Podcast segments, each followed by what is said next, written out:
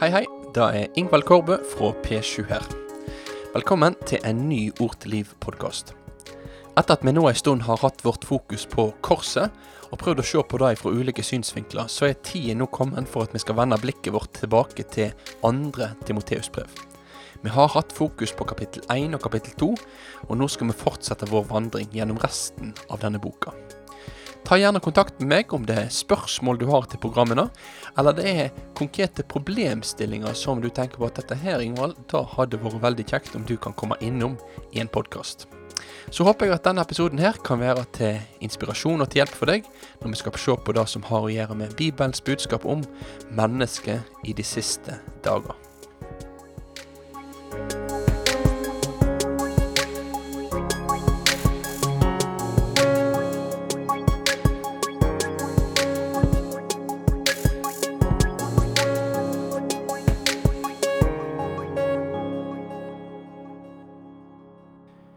Du og jeg, vi lever i den tida som Bibelen kaller for de siste tider, eller de siste dager. For tida mellom Jesu komme og Jesu gjenkomst er oppløpssida til verdenshistorien. Hebreabrevet sin forfatter han skriver i det første kapittelet av brevet sitt at Gud i disse siste dager har talt til oss gjennom Sønnen. Så siden Jesus har kommet, fordi han er født, han døde og han står opp igjen, så kan vi vite det at vi er nå inne i de siste tider. Vi er på oppløpssida av verdenshistorien.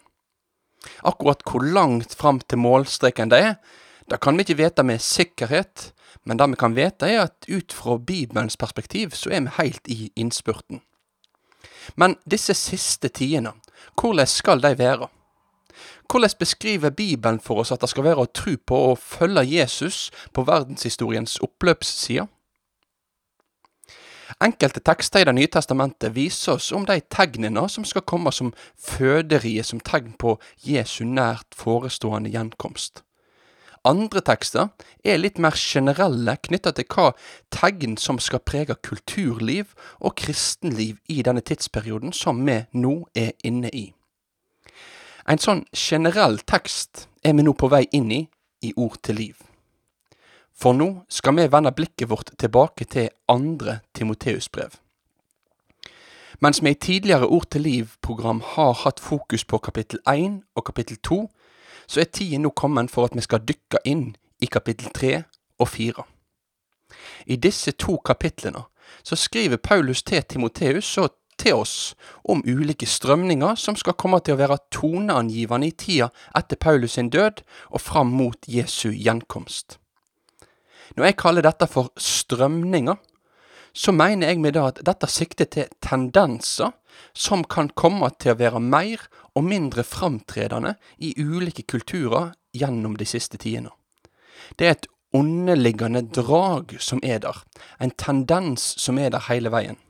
Og i enkelte perioder, og i enkelte kulturer, så kan denne tendensen, eller denne strømningen, verte forsterka og verte mer tydelig.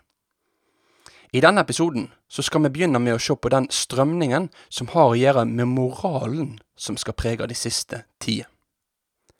Vi leser sammen ifra 2. Timoteus brev, kapittel 3, og vi leser vers 1 til 4. Men dette skal du vite, at i de siste dager skal det komme tunge tider. For mennesker skal være sjølkjære, pengekjære, skrytende, overmodige, spottende, ulydige mot foreldre, utakksame, uten age for det heilage, uten naturlig kjærleik, uforsonlige, baktalende, umåtelige, ustyrlige, uten kjærleik til det gode, svikefulle, oppfarende, oppblåsende, slike som elsker lystene sine høgere enn Gud. Amen.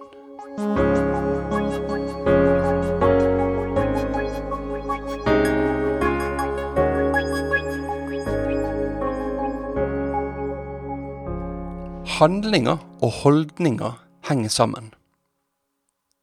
Når du eller jeg gjør noe, så er ofte det et resultat av djupere, bakomliggende strukturer i våre tanker. Det er ikke nødvendigvis en bevisst holdning, men hvordan du og jeg ser på og forstår virkeligheten, det preger òg hvordan vi handler og oppfører oss i denne virkeligheten. For jeg handler ut ifra mine overbevisninger. Mitt inntrykk er at vi i kristne sammenhenger kan ha en tendens til å fokusere mer på handlinger enn holdninger. Og når det gjelder spørsmål om hva som er godt og rett, og hva som er galt, eller det vi da kaller for synd. Kanskje dette er fordi det er lettere å adressere og forholde seg til en handling. Men om vi glemmer da at vår helhetlige forståelse av hvordan vi tilnærmer oss hverdagen vår på, og er med å forme det vi gjør, så kommer vi i svært liten grad inn til rota av menneskets problem. I den teksten som jeg nå las, så møter vi det som ofte har vært kalt for en lastekatalog. Vi har en del sånne lastekataloger i Bibelen, og motstykket til dem er det som blir kalt for dydskataloger. Mens dydskatalogene lister opp attråverdige holdninger og handlinger som det er ønskelig at Guds folk skal få bli mer og mer preget av, så er lastekatalogene det motsatte. De er kataloger fylte opp av ulike holdninger og handlinger som er i strid med det som er Guds gode vilje for hvordan vi mennesker skal forholde oss til Gud, til oss sjøl og til hverandre. I denne lastekatalogen i andre Timoteus brev så kan vi se at det er noen ulike handlinger som blir nevnt. Men disse handlingene de blir innramma av en beskrivelse av en grunnholdning. Det er denne ramma, denne grunnholdninga, som en ser fruktene av i de konkrete handlingene som de moralske strømningene da i de siste dager skal være preget av. Hva er så denne grunnholdningen? Jo, den har å gjøre med kjærlighet. Den har å gjøre med hva som blir elska, og hva som ikke blir elska. Som menneske så er vi skapt til å elske, men her, i denne teksten, så kan vi se at det er en kjærlighet ute av kurs. Lastekatalogen begynte med å beskrive mennesket som sjølkjært og pengekjært, og avslutningen på lastekatalogen var at mennesket elsker lystne sine mer enn det elsker Gud. En sånn beskrivelse av mennesket beskriver ei tid og en virkelighetsoppfatning der det er sjølve som blir plassert i sentrum, og som blir dominerende. Det er meg sjøl, mine penger, mine prestasjoner og min status som betyr noe. Det er meg, og hva som gagner meg, som òg driver meg. I en kultur der denne moralske strømningen er dominerende, så skal vi merke oss hvordan lystne blir det som på mange måter er med å definere hva som er et godt liv, og hva som er et mislykka eller et dårlig liv. For om jeg og mitt er plassert i sentrum av min tilværelse, så er det jo helt logisk, og egentlig helt rett ut ifra det rammeverket, at et godt liv er det som i størst mulig grad legger til rette for at mine lyster, mine drømmer og mine pasjoner kan få bli levd ut. Målet må jo være at jeg får det best mulig. Og da er jo mitt indre kompass for hva som er bra for meg, det er jo det jeg har lyst til, det jeg verdsetter, og det jeg ønsker, som òg må få være med å styre meg. Og en sånn grunnholdning kan da komme til syne i ulike deler av livet. Det kan komme til syne for hvordan jeg tilnærmer meg arbeidslivet, familielivet, eller for hvordan jeg tenker om seksualetikken. Hvis det gode livet er å gjøre som en vil og realisere seg sjøl, hvis det er egenkjærligheten som er kompasset som skal hjelpe meg og deg å navigere gjennom livet, så vil jo baksida av en sånn kultur være at noe av det verste en kan tenke seg å si til et menneske, det er at et menneske ikke skal gjøre som det har lyst til. Lydighet mot en ytre standard blir i denne moralske strømningen erstattet av lystighet. I tillegg til denne innrammingen av lastekatalogen, så vil jeg at vi i denne sammenhengen nå skal merke oss hvordan da vraker Gud som autoritet i Paulus sin lastekatalog òg blir sammenholdt med å vrake andre autoriteter.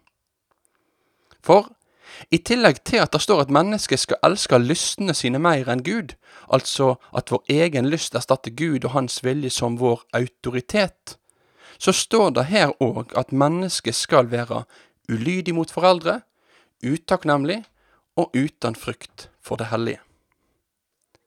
Når enkeltmennesket opphøyer seg sjøl og sin egen sjølstendighet, ja, så blir det jo et pressende spørsmål hvordan en skal forholde seg til ulike autoriteter og maktinstitusjoner rundt seg. Og her, i denne teksten, blir det beskrevet en tilstand der en sjølsentrert kultur òg skal bli autoritetsforaktende.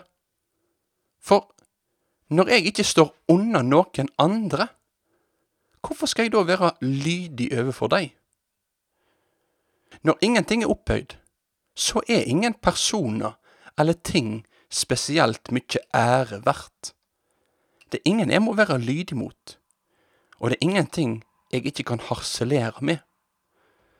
Det blir her beskrevet en kultur der respekten for at det er institusjoner og funksjoner som er innsatt av Gud, og som er gitt en autoritet over meg, vært forkasta.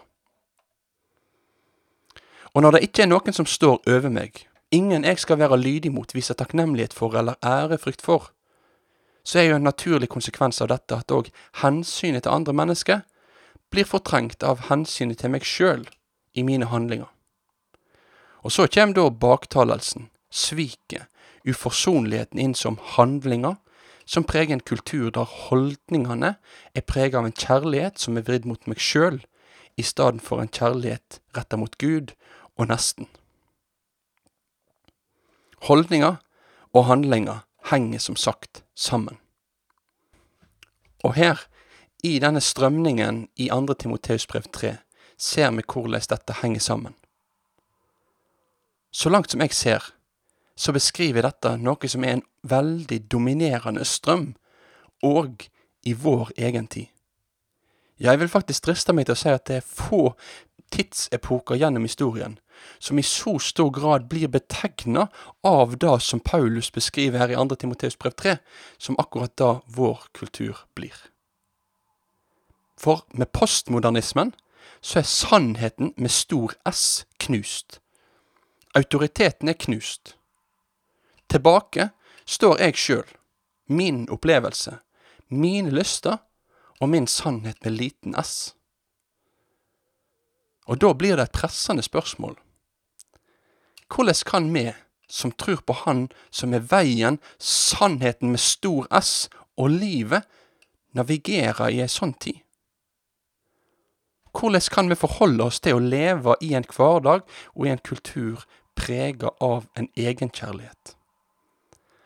Dette kommer jeg til å komme tilbake til i de kommende programmene av Ord til liv, da vi skal fortsette med siste del av kapittel tre.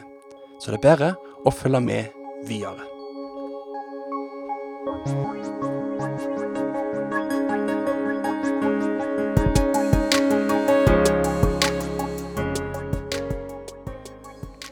Da sier jeg tusen takk for at du har valgt å få med deg denne podkasten.